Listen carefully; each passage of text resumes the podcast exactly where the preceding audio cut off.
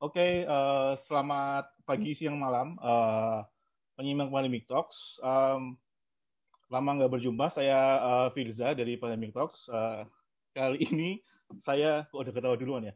Nah, sekali ini saya dan uh, Dr. Deksa, uh, saya sebagai host, uh, sumbernya Dr. Deksa Medika uh, sebagai kontributor dan apa koordinator medis di Pandemic Talks. Uh, topik kali ini cukup menarik. Uh, disclaimer dulu ya, uh, ini adalah podcast uh, khusus edisi dewasa, uh, topik COVID-19. Jadi uh, bagi adik-adik yang di bawah umur bisa melanjutkan atau tidak melanjutkan. Dari awal kami sudah memberitahu. Uh, topik kali ini cukup menarik yaitu uh, tentang protokol kesehatan uh, dalam bercinta di saat saat uh, pandemi ini. Nah, um, kali ini uh, uh, kami juga akan uh, menyampaikan bahwa sesi kali ini uh, kami bukan ahli ini ya, uh, dok ya. Yeah. Kita berdua bukan bukan ahli seks. Nah, namun Dokter Deksa ini akan menyampaikan dari sudut pandang uh, sains dan uh, ilmu dan keilmuan beliau sebagai spesialis penyakit dalam dan dari beberapa sumber literasi yang tentunya valid ya dok ya? Iya, insya Allah valid. Nah, iya ya. Um, pertanyaan pertama ini dok, apa namanya? Ya. Siap, uh, Mas Firza. Orang-orang dewasa di sekitar kita ini uh, ya. banyak bertanya ini sebenarnya uh, COVID-19 ini bisa menular nggak sih dok uh, lewat sperma atau cairan vagina ini? Ya ya. Jadi ini pertanyaan apa nih dok? Ya. Hmm. Sering banget sebenarnya Mas Firza. Ini sering banget pertanyaan iya, iya. ini diajukan. Boleh nggak sih dok bercinta atau hmm. berhubungan seks saat pandemi ini? Jadi eh, yang benar eh, pertanyaan pertama yang di dari yang dilontarkan Mas Firza tadi, apakah menular lewat eh, eh, sperma atau cairan vagina sampai detik ini? Ya, eh, itu tidak eh, belum ada penelitian yang menyatakan bahwa penularan ini melalui hubungan menular seksual. Jadi melalui sperma atau melalui cairan vagina. Jadi hmm. jadi belum ada sampai saat ini laporannya sehingga tidak perlu takut. Nah, yang ditakutkan adalah kontaknya itu loh, Mas Firza. Hmm. Kontaknya ya. antara pria dan wanita. Ini ya. yang ditakutkan. Nah, pertanyaan awamnya ya, saya sebagai awam ya, uh, saya kan orang data sama orang komunikasi nih. Ya. Pertanyaannya adalah, uh, memangnya sperma dan cairan vagina itu bukan droplet ya dok ya? Kan sama-sama cairan, beda ya? Ini yeah, beda ya. Nomor satu, beda, beda. nomor dua, kalau ada penelitian hal tersebut di Indonesia, dokter mau ikut nggak meneliti sperma dan cairan itu mau ikut tim riset itu nggak? Ya, ya. Monggo dok. Menarik. Dok. Ini droplet dalam artian apa dulu ya? Kalau droplet ya, itu ya, ya. orang awam kan dulu kan itu kan cairan sama-sama kental gitu loh. Bahasa yeah, Jawanya itu sama-sama kental itu apa bedanya itu ya. kalau droplet kan kalau dalam artian secara bahasa Inggris adalah tetesan ya. Droplet drop iya, droplet. Yeah, yeah. sama-sama netes tapi itu juga beda tapi ini beda.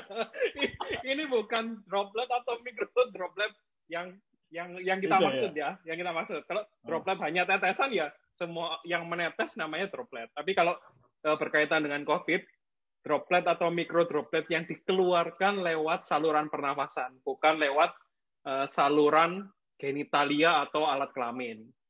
Oh, Jadi, iya, iya, iya, iya.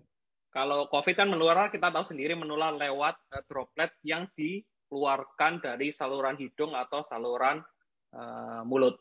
Itu aja sih. Hmm. Kalau ini kan nggak berhubungan, jauh banget antara paru-paru, paru-paru di atas Beda, ini, ya. Satunya di hmm, bawah. Hmm, di bawah ya. Iya, yang di bawah. di bawah mana, Mas? Iya. Yang ya, ya. tadi belum dijawab. Emang belum ada penelitiannya berarti ya? Indonesia juga belum ada ya? Enggak cuma meneliti sendiri kok. Jadi kalau sendiri. Dia, ya ya, itu itu sulit ya. Karena mungkin yang lebih berhak ahlinya mungkin. Dokter andrologi oh. atau oh. seperti ano itu mungkin ya. Kalau saya sih lebih ke arah dalemannya tapi bukan daleman yang situ. Penyakit dalam toh. Iya iya iya. Ya. Lalu rancerna gitu ya. Pertanyaan selanjutnya nih, uh, berarti kan sebenarnya uh, pandemi ini tidak semenakutkan itu ya bagi yang uh, su suka melakukan hubungan ini ya. Ya kan, ada ada aturannya lah ya. Gitu kan? Ada pak. Nah, Jadi pertanyaan, pertanyaan ya, ya. jangan ketawa dulu. Pertanyaan selanjutnya nih, untuk pasangan ya, hmm. yang resmi atau tidak resmi nih, terserah kan. Okay. Ya, uh, yang keduanya sama-sama bekerja nih, misalkan yeah. uh, istrinya uh, kerja di rumah sakit, suaminya hmm. uh, harus dinas ke mana-mana gitu. Nah, pas hmm. mereka kangen, mereka ke mana? Oh salah, mereka boleh nggak boleh nggak? ya, ya, boleh. Ya. Aturannya uh, apa nih salonnya dari uh, dokter Diksa nih? Iya. Sebetulnya mohon maaf ya, kita itu uh, maksudnya uh, apa me melepaskan stres dengan seperti ini ya karena pandemi itu kan anu ya stressful banget ya. Kami narasumber, ya, ya. terus Mas Firza sebagai host yang ngatur data dan sebagainya macam di pandemi otaknya itu, kita juga butuh pelampiasan. Nah, ini salah satu uh, ajang reunian kita ya. Mohon maaf kalau anu, iya, masyarakat atau apa, kok nggak kok nggak serius serius ini tetap ya. Kita berdasarkan uh, science. Tetap jawabannya serius serius. Iya, tetap tetap harus. Sambil Oke. Okay. santai ya. Iya, santai, seriusan, seriusan, seriusan. Baik, kalau ya, yang saya disebutkan tadi, kalau misalnya satu uh, pasangan atau dua-duanya uh, pasangan kerja sama-sama kerja di fasilitas kesehatan yang beresiko tinggi, ini kalau uh, beberapa literatur yang saya ambil uh, yang apa NCS NCS DDC itu uh, uh, hmm. semacam uh, apa lembaga yang mengatur uh, apa penyakit menular seksual di Amerika sana dan diperkuat di Mayo Clinic juga bahwa uh, kalau misalnya salah satu beresiko tinggi sebaiknya saat uh, mau melakukan hubungan seksual satu pastikan dia sehat dulu benar-benar sehat, tidak ada keluhan. Yang kedua, idealnya kalau misalnya sesuai dengan protokol yang ada, orang yang hmm. kerja di luar atau yang beresiko tinggi kan harusnya di kamar tersendiri ya, yang yeah, uh, yeah. beda di ruangan yang dengan orang yang beresiko tinggi atau kalau sama istrinya, nah ini ada tambahannya adalah memakai masker. Sebetulnya kalau misalnya uh, ada keluhan sebaiknya jangan, tapi kalau misalnya tidak ada keluhan, sebaiknya memakai masker. Untuk apa? Untuk mengurangi kontak erat droplet bertukar satu sama lain dengan istri dan suami. Terus ada yang sering tanya nih, boleh nggak dok iya, iya berciuman? Iya, boleh nggak dok hmm. berciuman gitu kan, kissing atau hmm. apa? Nah, dia dulu kalau misalnya uh, memang benar-benar nggak kuat, ini ini anu ya, ini hanya pedoman ya, sebaiknya tidak pedoman. Tapi kalau uh, misalnya udah benar-benar ya kita pokoknya sudah memberikan pedomannya dari sana bahwa harus menggunakan masker, tapi kalau enggak ya itu ada resiko sedikit resiko untuk tertular. Mungkin kalau misalnya hmm. di pekerjaannya itu yang resiko tinggi seperti tenaga kesehatan, sebaiknya menggunakan masker hmm. ya. Gitu sih. Tapi kalau yang ya. lainnya masih bisa. Yang lainnya masih bisa. Lainnya nah, dalam uh, tapi, itu sih. Tapi hmm. uh, tetap harus uh, apakah tes antigen dulu, rapid test antigen atau swab PCR dulu dok gitu? Nah, yang penting nggak ada gejala ya, aman ya. Ya, kalau kalau pedomannya nah. di NCS di, di situ, anu, hmm. yang penting satu sehat, yang kedua benar-benar bersih. Jadi bersih itu dalam artian mandi dulu, kemudian setelah kerja ya tetap menjalankan protokol kesehatan yang ada, kemudian yang ketiga hmm. memakai masker. Ini yang sama-sama resiko tinggi atau salah satu resiko tinggi bekerja di uh, rumah sakit atau fasilitas kesehatan uh, di tengah pandemi seperti ini. Itu sih Mas Firman. Nah, misalkan ada sepasang suami istri nih, uh, yang hmm. keduanya ragu-ragu terpapar uh, uh, dan belum pernah tes, namun uh, tidak ada gejala sama tidak ada kontak erat. Uh, biar mantep, ya prosedurnya sama kayak tadi ya, dok ya sebaiknya tunda dulu keinginan oh, hasrat itu. Karena kalau hmm. satu ada riwayat kontak erat, misalnya habis pas, uh, habis megang pasien, ternyata dia ada kelupaan hmm. pakai masker, atau teman kerjanya ada yang positif dulu, sebaiknya ya dilakukan uh, sesuai dengan pedoman yang ada. Kontak erat dilakukan hmm. tracing kan, kalau misalnya sesuai hmm. dengan pedoman. Untuk seks ya jangan jangan dulu ya, maksudnya janganlah sampai menjadi klaster uh, baru di keluarga kalau biasa kan gitu kan suami istri kena suami istri kena, suami istri kena, ya hmm. entah secara nggak langsung dia kurang menjaga oh. protokol kesehatannya atau enggak, sebaiknya Berarti, kontak hmm. erat swab. Hmm. Saya mendengar ya, tapi ini bukan dari data ya. Jangan-jangan kluster keluarga itu dari kluster kluster kluster bercinta sebenarnya ya. Tapi harus diteliti lagi. Sulit. Nanti ya, kalau pandemi ya. pandemi sudah selesai, itu ya, harusnya ya. diteliti lagi. Apakah memang karena karena ganggang pintu rumah, uh, apa namanya uh, tempat tempat makan yang sama, garpu piring atau kegiatan yang itu. Iya, kegiatan ya, itu nanti yang... tugasnya para peneliti lah ya. Kegiatan nah, biologis. Iya, iya, iya. Nah, um, ini uh, case yang ketiga nih, uh, menarik dok.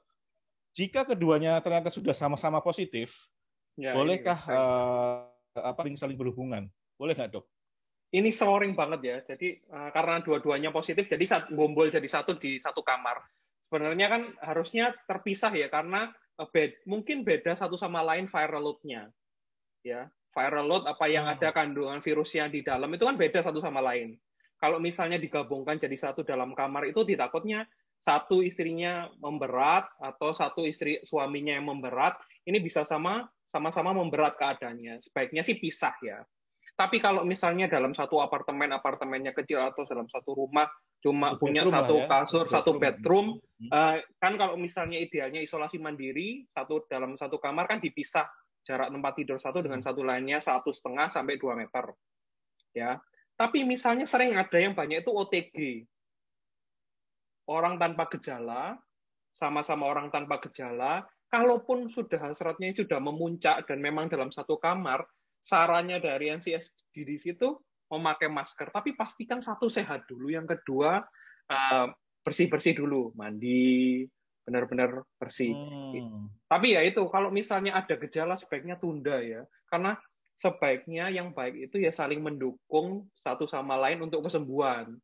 Tapi kalau misalnya memang hmm. Kebelet ya, udah nggak tahan ya, misalnya, aduh daripada hmm. gimana yang penting satu pastikan sehat, dua bersih, tiga pakai masker. Hmm. Itu sih mas. Berarti uh, sesama positif uh, boleh ya, walaupun secara ya. logika juga uh, idealnya idealnya jangan ya. Harusnya kan ya. terpisah, kalau udah bergejala ya kok bisa-bisanya kepikiran kayak gitu gitu ya. nah oke, okay. uh, uh, selanjutnya nih, uh, yang case case ketiga uh, uh, berlanjut ke case keempat nih. Uh, yeah. Sudah sembuh dari COVID-19, uh, eh, hmm. bolehkah berhubungan? Yang tadi kan dua yeah. orang itu positif, akhirnya sudah sembuh. Nah, kapan sih uh, waktu yang tepat? Apakah nunggu bulan purnama, pasang laut, atau gimana ini?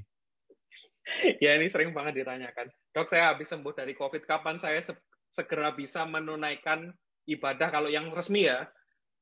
Yang hmm. resmi, kita bicara resmi, nggak boleh kalau yang tidak resmi itu ya sebetulnya ya tapi tergantung kembali dari orangnya masing-masing. Kalau hmm. misalnya hmm. dia sudah sembuh, sebetulnya resiko untuk menularkan itu kecil, asal satu isolasi dilakukan dengan benar. Yang kedua, selama isolasi itu dia nggak ke mana-mana, benar-benar di hmm. rumah, hmm. orang tanpa gejala atau gejalanya ringan, benar-benar pastikan bebas gejala benar-benar sehat, pastikan isolasi berjalan dengan sempurna tanpa ada riwayat kontak dan lain-lain, mandi, Terus kemudian sebelum anu pastikan bersih dulu, kemudian boleh dia langsung lakukan hubungan. Tapi ya itu hmm. pastikan tidak ada gejala atau misalnya benar-benar dalam kondisi sehat. Kadang orang dengan long covid itu gampang lelah juga toh. Oh yes. iya iya iya. Ya, misalnya dia sembuh tapi ada long covid, ada gejala sisa biasanya kan uh, saya kalau waktu habis covid itu badan nggak enak, Pak. Jadi sakit semua rasanya nggak enak, lemas atau apa. Oh, iya. Jadi ya pastikan benar-benar sehat. Beri pengertian pada pasangan bahwa kondisinya seperti ini harus bisa sabar dan tawakal nunggu gitu ya. Ya. Ya. Ya. ya. ya, ya benar loh Pak. Ya, ya. Itu itu.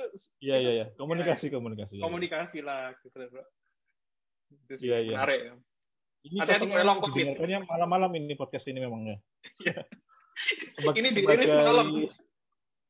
Sebagai informasi Uh, ini alhamdulillah Dokter Diksa uh, baru sembuh uh, dari COVID-19, uh, sudah kembali berkarya. Uh, Karya uh, pertama langsung seperti ini ya Pak?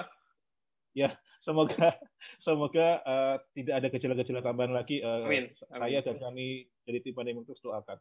Amin. Amin. Oke, okay, um, nyambung yang tadi berarti nunggu 14 jadi gini misalkan uh, su sudah sudah 14 hari yeah. terus uh, tes PCR uh, negatif gitu kan misalkan dua kali hmm. gitu besokannya banget itu boleh gitu sesudah positif uh, sudah negatif gitu boleh karena resiko boleh ya ya boleh hmm. pak karena resiko hmm. penularannya itu sudah minimal sekali kalau dilihat dari kurvanya Sevik itu uh, meningkat pada saat ming, apa hari ke 6 7 habis itu kultur virusnya turun sampai hari ke 12 13 14. Jadi resiko hmm. untuk penularannya memang kecil. Jadi boleh. Yang satu eh, penularannya kecil, resikonya sudah minimal, dia sudah mungkin sudah terbentuk antibodi, jadi aman. Dan di satu yang pasti tidak ditularkan untuk saat ini tidak ditularkan melalui sperma atau cairan vagina. Hmm. Gitu, iya, iya, iya, iya, iya. Terus uh, oke, okay, uh, case selanjutnya uh, ada dua pasangan nih, yang satu hmm. positif, yang satu negatif. Hmm. Ini seharam apa ini? Uh, apa, uh, enggak, jangan sama sekali atau masih ada celah-celahnya, dok? Jangan ya, Pak. Kalau kalau gini oh, kan kita ya? sudah tahu ya, sudah tahu hmm. resikonya dia itu positif. Uh, masa ya tetap diajak itu ya kan uh, membahayakan si istri atau suaminya misalnya istri atau salah satu istri atau suaminya itu negatif satu pasangannya ini positif. Sebaiknya tidak dan tidak disarankan memang. Dihindari kalau bisa tambah justru berikan support yang terbaik. Uh, hmm. jadi jangan di mungkin digreweli. Digodain ya. Iya benar. jangan mancing -mancing. tolong tolong teman-teman di luar sana. Jangan digodain. Kasihan. Yeah, beri iya. dukungan beri dukungan kode, mereka. dengan kode-kode ya jangan serangan fajar gitu ya. ya, ya. Wah itu beda kamar. Itu bisa bisa membahayakan ini. Ngomong-ngomong kalau misalkan teman-teman tertarik sama diskusi ini kita nanti buat uh, podcast khusus di luar pandemic talks. ya, ya, ya, kita berdua. Ya, ya. ya, ya. Oke oke. Uh, ini uh, memasuki sesi terakhir uh, apa namanya uh, dua pertanyaan terakhir. Uh, case yang terakhir adalah kasus terakhir adalah seperti yang kita tahu kan uh, angka yang terpapar, uh, sorry, angka tingkat kematian tertinggi itu kan ada di uh, lansia ya, ya uh, usia lanjut ya, uh, uh, dokter saya. Di data Indonesia juga seperti itu, di luar negeri juga seperti itu. Uh, ya lansia ini kan bisa karena usianya dan karena komorbid juga itu. Nah, yeah. untuk uh, kelompok kelompok ini, kelompok rentan ini, komorbid dan uh, dan lansia ini uh, ada pesan-pesan nggak buat buat buat buat uh, dokter Deksa boleh nggak uh, tetap berkegiatan ini? Uh, berkegiatan uh, uh, seksual. di masa-masa ini ya uh, ya, ya. masa-masa seperti ini. Baik. Kalau atau untuk enggak kalau mau ini mau ini sehat gitu enggak atau gimana? Ya jadi kalau untuk usia tua sebaiknya tidak ya tidak disarankan. Karena apa? Uh, usia tua itu kadang masking uh, gejalanya. Jadi masking hmm. itu ibaratnya uh, gejalanya itu tidak terlihat, tapi begitu dia dicetuskan tiba-tiba langsung uh, muncul gejala ringan, sedang atau berat. Ini kan sering banget kan usia tua itu karena apa? Uh, fungsi organ itu sudah menurun atau ada gangguan penyakit komorbid di punya. Itu hmm. fungsi organnya sudah menurun di mana uh, saat melakukan aktivitas ini kan otomatis hormon-hormon yang ada akan meningkatkan nadi, kemudian nafas atau apa, justru akan lebih membahayakan. Apalagi misalnya dua-duanya positif atau uh, salah satu positif, respeknya dihindari kalau bisa uh, aktivitas hubungan seksual. Karena apa? Ya ini bisa mencetuskan kondisi yang uh, lebih berat atau komplikasi yang lebih berat. Jadi memang kalau usia tua memang harus fokusnya untuk kesembuhan atau komorbid ya fokusnya untuk kesembuhan murni. Karena kita tahu hmm. sendiri resiko Eh, beberapa penyakit seperti diabetes, hipertensi, sakit jantung, ini kan menduduki uh, uh, penyumbang angka mortalitas tertinggi tiga di Indonesia ya, diabetes, iya. hipertensi, yeah. sama sakit jantung. Jadi ya, dan rata-rata orang yang usia tua mempunyai komorbid ini. Jadi uh, sangat disarankan untuk tidak melakukan hubungan seksual. Jadi fokusnya pada kesembuhan, itu aja sih. Karena ya itu tadi iya, resikonya yeah, yeah. lebih besar daripada benefitnya. kita harus menimbang kan risk and benefitnya. Hmm. Saya juga okay, belum menemu sih benefitnya apa kalau dilakukan pada keadaan sakit itu juga aneh juga ya. Tapi ya risknya ya, kelihatan lebih apa, tinggi sih. Damai. apa? lega lega. Maksudnya lego. Iya iya iya. Iya iya. Oke oke oke. Kalau ini nih apa nih ini ini awam nih uh, kadang-kadang hmm. seperti ini apa uh, durasi juga nggak nggak nggak protokol VDG juga nggak nggak ngaruh ya durasinya nggak nggak nggak ngaruh ya. Kayak misalnya gini loh saya nggak nggak ilmiah. Ya ya ilmiah pak. Aku ini orang kan gini ya orang Indonesia gini. Ya, ya, ya. kata pemerintah 3 m saya sudah 3 m nih gitu kan. Ya, saya ya. sudah VDG juga. Jadilah saya buka uh, durasi gitu kan uh, apa terus jarak gitu kan nah uh, tetap tetap nggak nggak ngaruh ya tetap uh, tetap kita tetap tetap harus waspada ya terhadap yeah. aktivitas ini ya betul hmm. utamanya yang positif positif itu ya kalau misalnya uh, risiko hmm. beresiko tinggi ya masih bisa diminimalisir dengan ini uh, masker ya tadi ya kalau misalnya sama-sama uh, negatif uh, tapi kerjanya itu di lingkungan yang agak anu ya uh, intinya bersih dulu terus pakai masker asal sehat oh, dan okay, tidak okay, bergejala. Okay. Tapi kalau hmm. Yang lain ini durasi ya itu tadi uh, kita nggak tahu uh, benar-benar nggak tahu tapi kita harus pakai tindakan pencegahan ya. Masa ya dicepetin gitu kan juga nggak aneh juga pak kalau iya, dicepetin atau sengaja. Namanya. Itu egois namanya kok cepet-cepet ya. Imbas apa ini? ini dalam artian bukan itu ya, maksudnya dalam artian yeah, yeah. durasi uh, dia kontak dengan suami yeah, istri yeah. ini ya. Iya iya iya. Takutnya beda pak. Uh, ber berarti kan ini um, pertahanan terakhirnya itu ya ya kalau kalau nggak tes dulu biar mantep ya kalau nggak kalau nggak mau tes yang yang yang belum yang yang belum positif ya, ya hmm. ya itu ya pakai masker ya. Iya benar benar pakai ya. masker. Pakai masker. Itu ya. banyak yang ngeluh loh pak. Loh dok pakai hmm. masker kan engap dok. Tuh ya aduh. Berarti kan kayak nggak boleh ya? Ini serius saya, saya nanya. Ya, ya, Jangan dong. Ya. ya itu tadi kalau dia kita kissing kissing mencium itu kalau utamanya yang positif positif hmm. jangan. Terus kalau positif negatif kan dihindari. Kalau sama-sama negatif resiko tinggi sebaiknya pakai masker.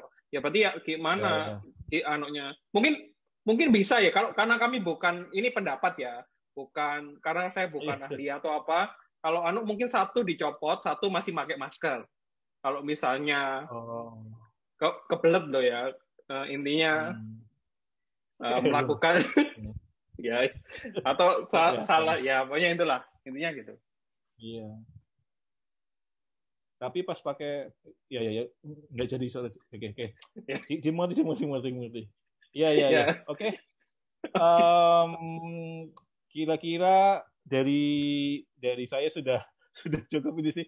Eh, pertanyaan-pertanyaan uh, ilmiahnya dan beberapa yeah. contoh uh, persilangan apa namanya uh, kasus maksudnya bukan kasus ya case bahwa ini positif negatif yeah. tanda tanya tanda tanya dan sampai ke komorbid itu sudah sudah coba saya kumpulkan dan tanyakan ke dokter Deksa uh, sebagai penutup ada ada pesan lagi dok tentang uh, protokol kesehatan uh, bercinta saat pandemi yeah. ini intinya uh, bercinta itu uh, alamiah ya utama yang pasangan oh, resmi. Iya, iya.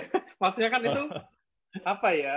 Itu kan harus tuh, maksudnya suatu keharusan untuk anu. Hmm. Tapi ya saat pandemi ini kita harus lihat uh, partner kita ini resikonya gimana. Misalnya resiko tinggi hmm. uh, bekerja di uh, pandemi bu bukan resiko tinggi dalam artian gimana ya, tapi bekerja di uh, fasilitas kesehatan yang terpapar COVID atau misalnya front office dari uh, teller bank itu kan juga resiko tinggi toh.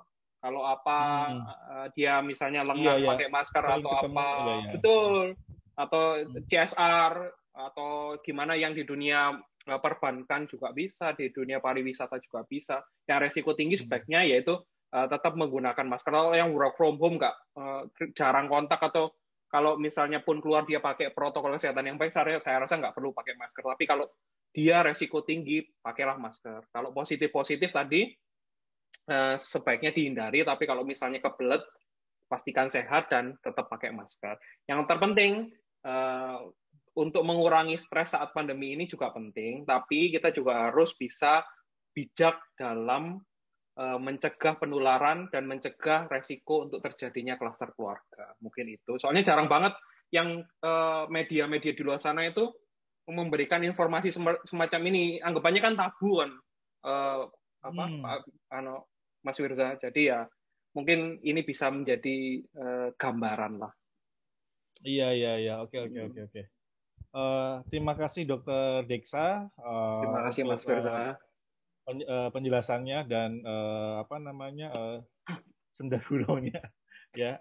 Nah yeah. Ya. uh, untuk uh, para penyimak Pandemic Talks uh, apa namanya uh, topik podcast kali ini uh, apa namanya mungkin belum pernah dibahas oleh oleh tanda kutip media lainnya atau ya, uh, ya. orang-orang lainnya. Nah, di sini kami mencoba menyampaikan dengan cara yang hangat, uh, membumi dan uh, apa namanya uh, mudah dicerna lah.